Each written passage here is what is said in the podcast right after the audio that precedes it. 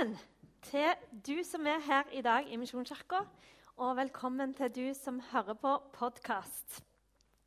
Vi har altså nå kommet til siste talen i denne serien 'Gud er'.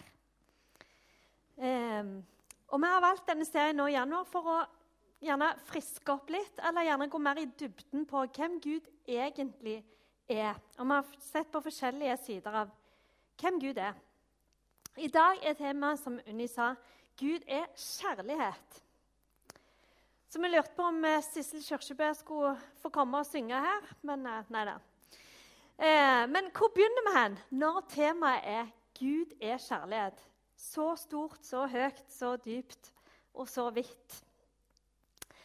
Jeg har lyst til å begynne med en historie.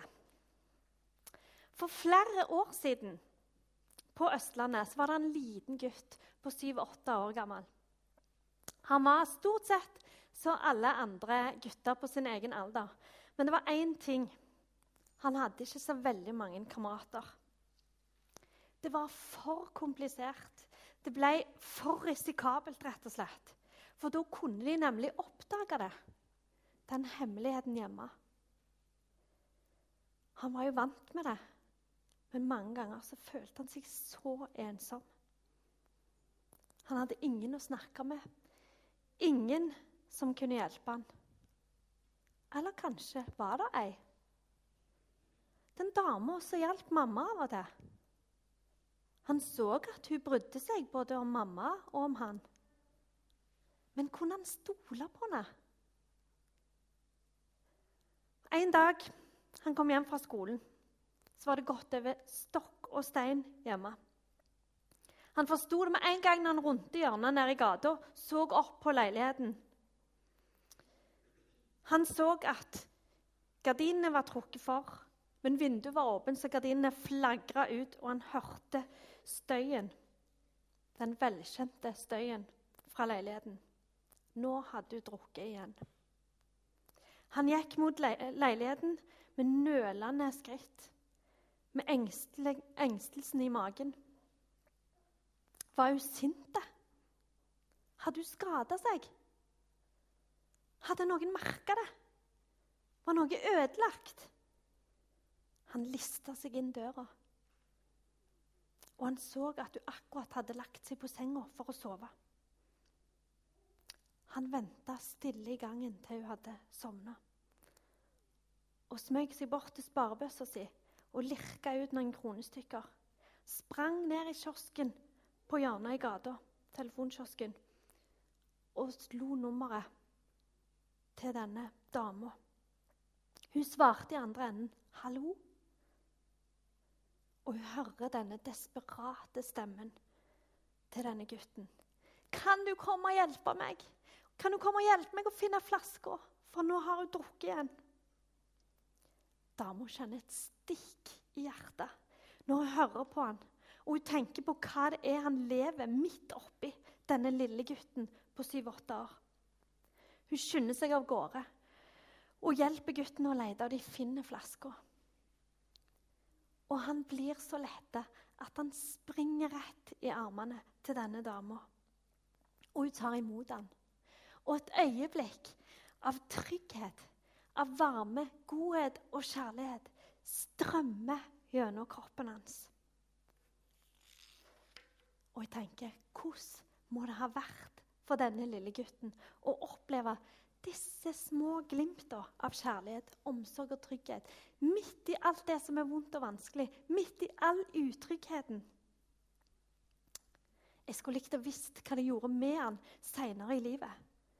At han hadde denne ene dama som ga noe godt. Der alt annet svikta og dette var før det var gode rutiner og systemer for hvordan en ivaretok barn.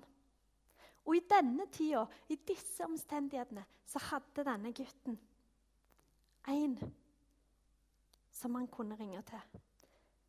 En som kunne hjelpe han litt. Og Hun jobba med kvinner og rus, og han merka at hun var til å stole på. Og det gjorde så utrolig godt for han og kunne slippe bekymringene og redselen og frykten og alt det vonde et bitte lite øyeblikk mens han var inni denne klemmen til denne dama. Gud er kjærlighet. Og han er som denne dama var for denne gutten, og selvfølgelig mye, mye mer.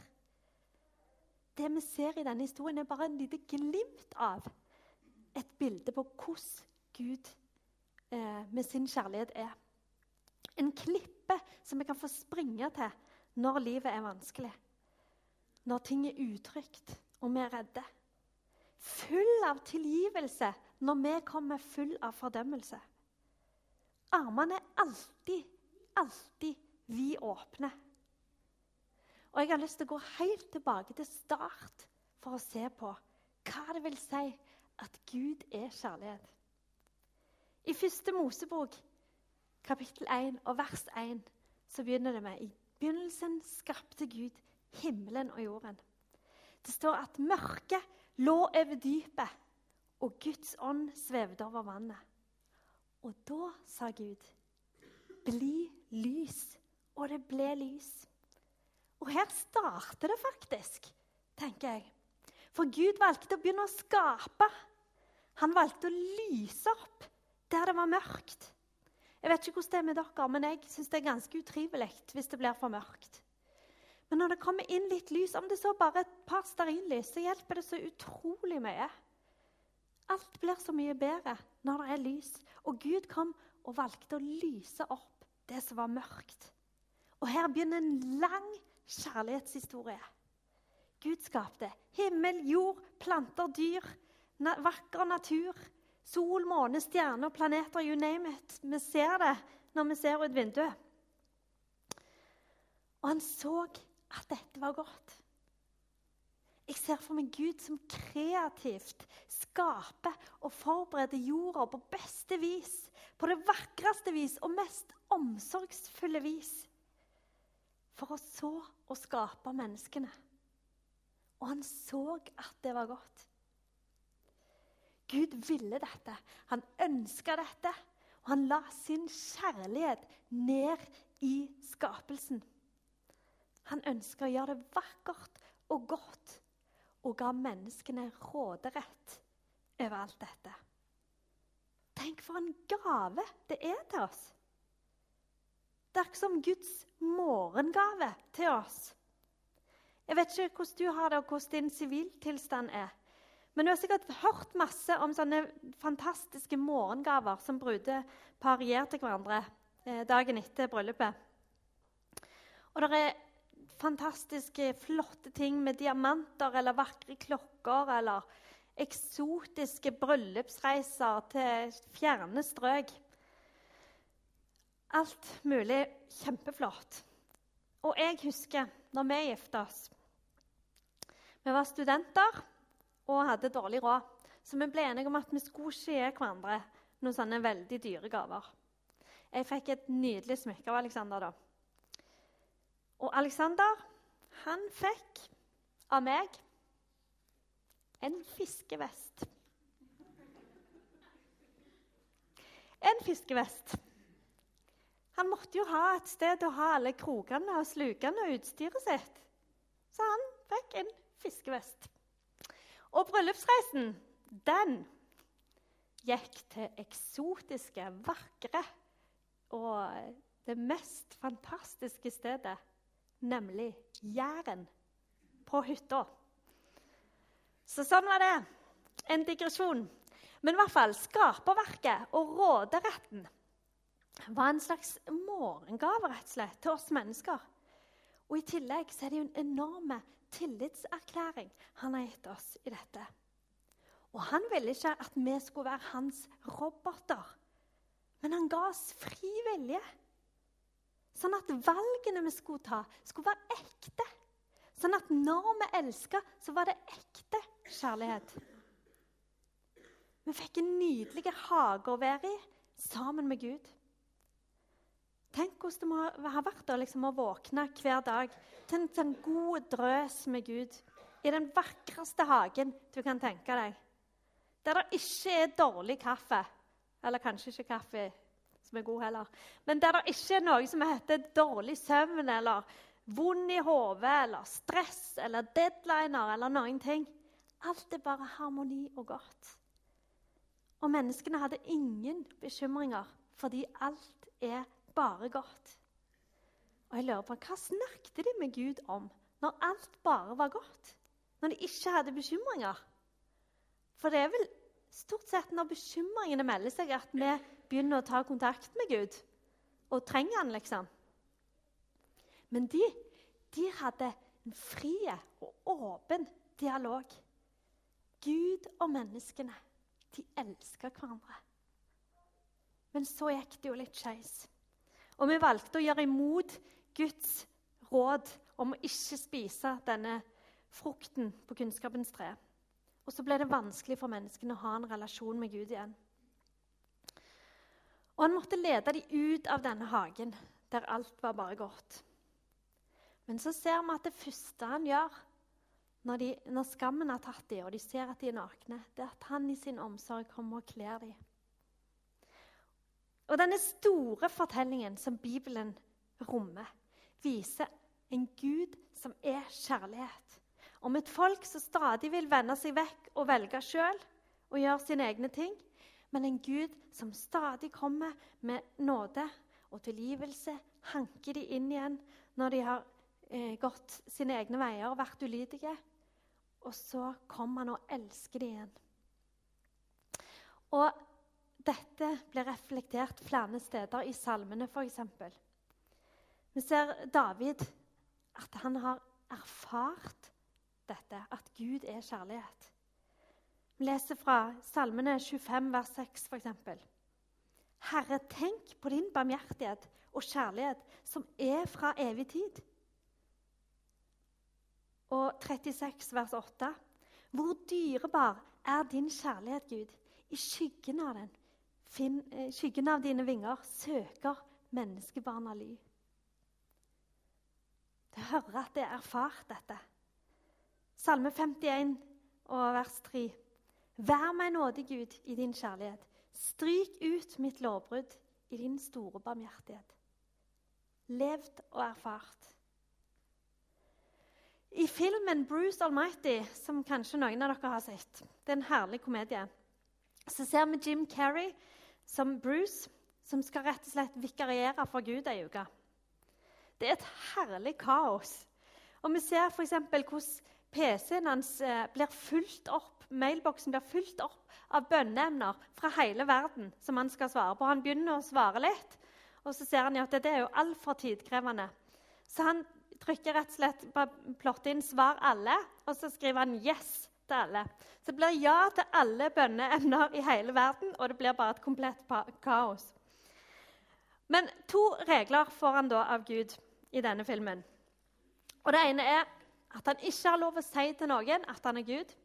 Det andre er at han kan ikke tulle med den frie viljen. Og selvfølgelig I alle Hollywood-filmer så er det en litt, liten dose forelskelse med.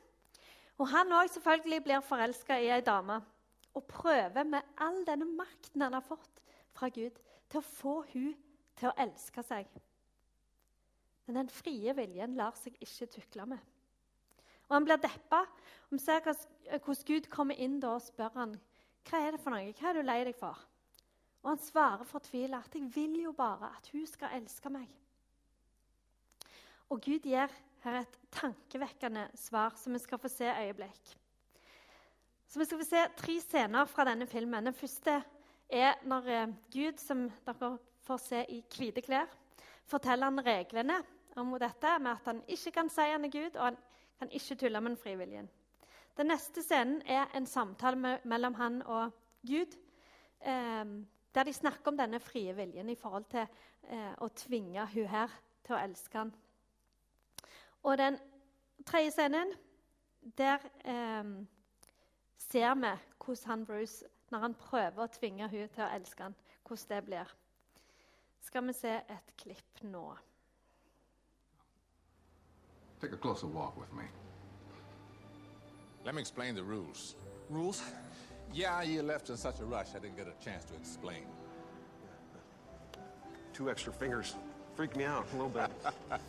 I just figured I'd get your attention. I did the same thing to Gandhi. He didn't eat for three weeks. anyway, here's the deal. You have all my powers. Use them any way you choose. There are only two rules. You can't tell anybody you're God. Believe me, you don't want that kind of attention. And you can't mess with free will. Uh-huh. Can I ask why? Yes, you can. That's the beauty of it. Enjoying your party? Nothing like spending quality time with great friends, eh? Grace left me. Yeah, I know. She'll take me back. She'll take me back, right? Would you take you back?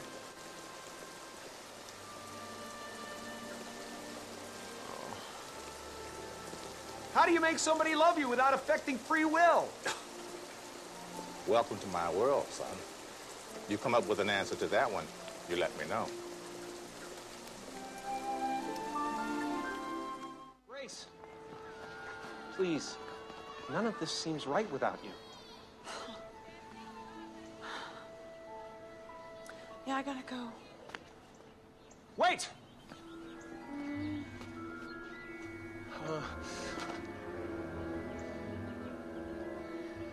Feel now? Have you completely lost your mind? What, are you drunk? Yeah, I'm drunk. Drunk with power.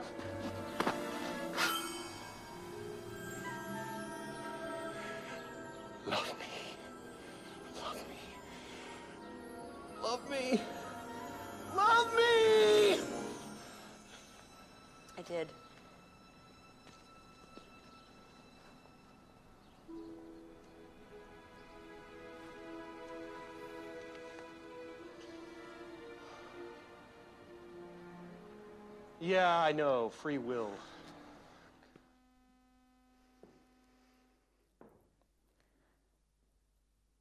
Tankevekkende syns jeg det som Gud svarer han. 'Welcome to my world'. Eller 'Sånn er det jeg har det', svarer han. Han kan ikke tvinge oss til å elske han. Men Guds hjerte vrir seg i ubehag over alle de som ikke velger å elske han. For Guds natur er å elske menneskene. Han vil så gjerne få lov til å gi fra sitt utømmelige kjærlighets- og godhetslager til oss. Efeserne 3, eh, 16-21 står det. Må Han, som er så rik på herlighet, gi deres indre menneske kraft og styrke ved sin ånd. Må Kristus ved troen bo i deres hjerte, og dere står rotfestet og grunnfestet i kjærlighet. Må dere sammen med alle de hellige bli i stand til å fatte bredden og lengden, høyden og dybden å kjenne Kristi kjærlighet, som overgår all kunnskap. Må dere bli fulgt av hele Guds fylde, Han som virker i oss med sin kraft og kan gjøre uendelig mye mer enn det vi ber om og forstår. Ham være ære i Kirken og i Kristus Jesus gjennom alle slekter og evigheter. Amen. Og i dyp kjærlighet og respekt har han gitt oss denne frie viljen. For han vil at vi skal være ekte når vi elsker. Ikke som roboter. Kjærlighet og tvang hører ikke sammen. Og han slutter aldri å elske menneskene, uansett hva vi gjør. Men han vil så gjerne at vi skal følge hans bud. Fordi han har oversikt og vet hva som er best for oss. Og han er hellig, og han tåler ikke synd, som vi var inne på tidligere i serien. Men derfor så leder det han til å sende Jesus, sin sønn, til jorda. Sånn at han kan bli mer tilgjengelig for oss mennesker. Sånn at han kan få mulighet til å elske oss, til å være nær oss igjen. Og få lov til å ta imot oss med åpne armer. Sånn som denne dama som vi hørte om, som tok imot den lille gutten med åpne armer. Og det er ingen måte å fatte Guds kjærlighet på uten å se på Jesu mål med sitt liv, nemlig å dø for oss. Å drikke dette begeret med alle våre overtredelser, med vår skyld og skam og sykdom, og bli ett med oss på korset. Begrave oss med seg sjøl og la det gamle mennesket i oss dø. Sånn at synden ikke har makt over oss lenger. Men den syndige kroppen er død. Han, han tok oss med i oppstandelsen der vi på underfullt vis er blitt nye og rene. Hvis vi ikke fatter hva Jesus gjorde for oss, så fatter vi ikke Guds kjærlighet. Men hvis det får begynne å gå opp for oss hva Jesus gjorde, så kan det skje mye spennende. Når det begynner å gå opp for oss at det skulle vært oss som hang på det korset. Jeg skulle ønske for min egen del, for alle oss sin del, og alle de vi kjenner som ikke tror sin del, at vi kunne få lov å gå mer i dybden på dette. Hva Jesus gjorde for oss. For meg og deg. For alle. For da tror jeg det begynner å gå opp for oss hva Guds kjærlighet egentlig er. Da vil det begynne å prege oss. Da vil det få konsekvenser for livene våre. Da vil det få ringvirkninger utover alle relasjoner. Alle valg som vi tar, vil bli preget av det. Gjennom troen på Jesus og på grunn av dette som Jesus har gjort for oss, så har han gitt oss eh, så har han gjort oss eh, nye. Og så har han eh, gjort sånn at vi kan få lov å bli født på ny ved Den hellige ånd. Bli ett med han. Jesus, Messias, som betyr den salvede. Den hellige ånd er jo ofte forbundet med olje. Gledens olje, f.eks. Og På Jesu tid var det man tenkte på når man tenkte på olje, var olivenolje. Og den ble laga gjennom at den, olivenene gikk gjennom en veldig eh, hard knusebehandling. De brukte en stor, stor stein og kraften fra et esel eller en okse for å presse denne store steinen over olivenene, sånn at oljen ble, ble pressa ut. Og Dette kan vi se på som et bilde på den prosessen som Jesus måtte gjennomgå for oss. Jesus som vi kaller den salvede, som er full av Guds olje. Han måtte gjennomgå denne knuseprosessen for oss. Fysisk, psykisk og åndelig. Pressa og skvist og døde den verste død. I mitt og i ditt sted. Hvorfor? Fordi kjærligheten til oss dreiv han til det. Han gikk i døden for oss. Guds kjærlighet til meg og deg gjorde at Jesus gikk i døden for oss. Men det at han sto opp igjen, tok oss med i oppstandelsen, gjør at vi er nå sønner og døtre av Far i himmelen. Og med troen så blir vi fulgt med den samme Hellige Ånd. Den samme Hellige Ånds olje. Gledens olje som Jesus har, for han har gjort, gjort oss ett med han. 1. Johannes 4, 9-13. Over dette ble Guds kjærlighet åpenbart blant oss. At Gud sendte sin enbårne sønn til verden for at vi skulle leve ved han. Ja, dette er kjærligheten. Ikke at vi har elsket Gud, men at han har elsket oss og sendt sin sønn til soning for våre synder. Mine kjære, har Gud elsket oss slik, da skylder også vi å elske hverandre. Ingen har noen gang sett Gud, men dersom vi elsker hverandre, blir Gud i oss, og hans kjærlighet er fullendt i oss. At vi blir i Han og Han i oss, det vet vi, for Han har gitt oss av sin ånd. Alt er lagt til rette for oss. Vi trenger bare å ta imot det Han har for oss. Og når vi gir Han retten til å være herre i livene våre, sjefen i livene våre, så handler ikke det om sånn hersketeknikk eller ubehag som vi gjerne forbinder med tidligere sjefer som har hatt. Nei, det er en helt vanvittig bra sjef som har så stor tro på deg at han har delt alt med deg. Som har så stor kjærlighet til deg. Han har valgt å dele alt, og han har en unik og spennende plan for ditt liv. Hvert minutt, hvert sekund er tenkt på. Hvert minutt og hvert sekund så heier han på deg. Så elsker han deg. Så vil han bruke deg. Så vil han overøse deg med sine gode gaver. Og Forrige søndag så fortalte pastor Frode at han nå er inne i en fire ukers permisjon. Tre uker til, altså. Han skal søke dypere inn til Guds hjerte. Både for han sjøl, men òg for menigheten. Og talen hans forrige søndag det gjenspeiler dette hjertet. Frode er gått foran som den lederen han er, som det forbildet han er. Så la oss følge etter, og la oss få lov til å få tak i mer av hva disse skattene i Guds kjærlighet egentlig rommer. For hvis vi skal forvandle noe som helst i oss, i menigheten, i byen vår, så må det være ut fra en berøring av Guds kjærlighet. Som gjør at vi aldri blir den samme igjen. Som gjør at vi ikke kan la være å følge den salvede. Jesus, oljen i oss. Alt Gud har gjort fra begynnelsen, har han gjort i kjærlighet til oss, skal vi be.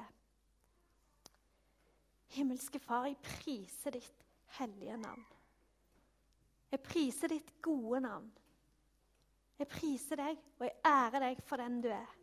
For den ufattelige kjærligheten du har for oss.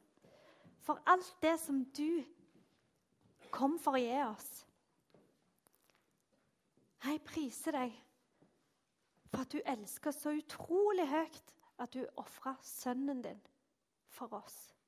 I vårt sted. Det skulle vært oss. Og så har du gjort oss ett med deg og sagt at alt ditt er vårt. Jeg ber om denne åpenbaringen av denne kjærligheten.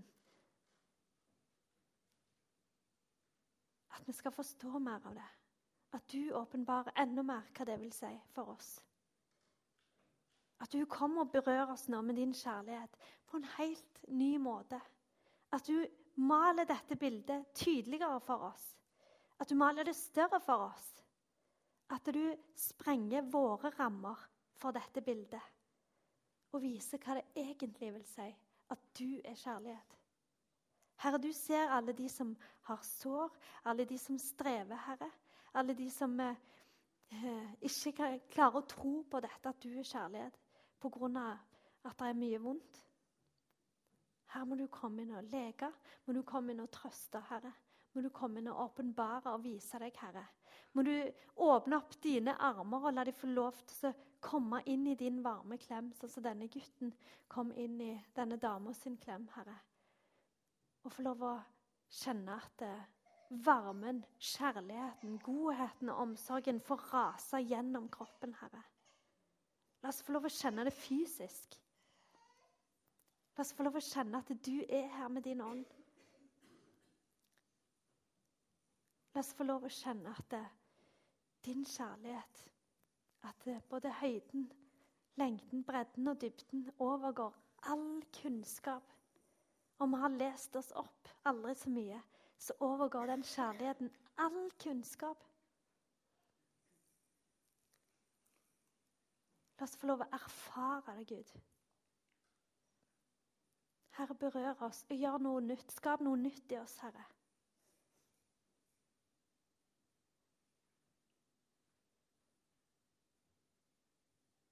Kom, Hellige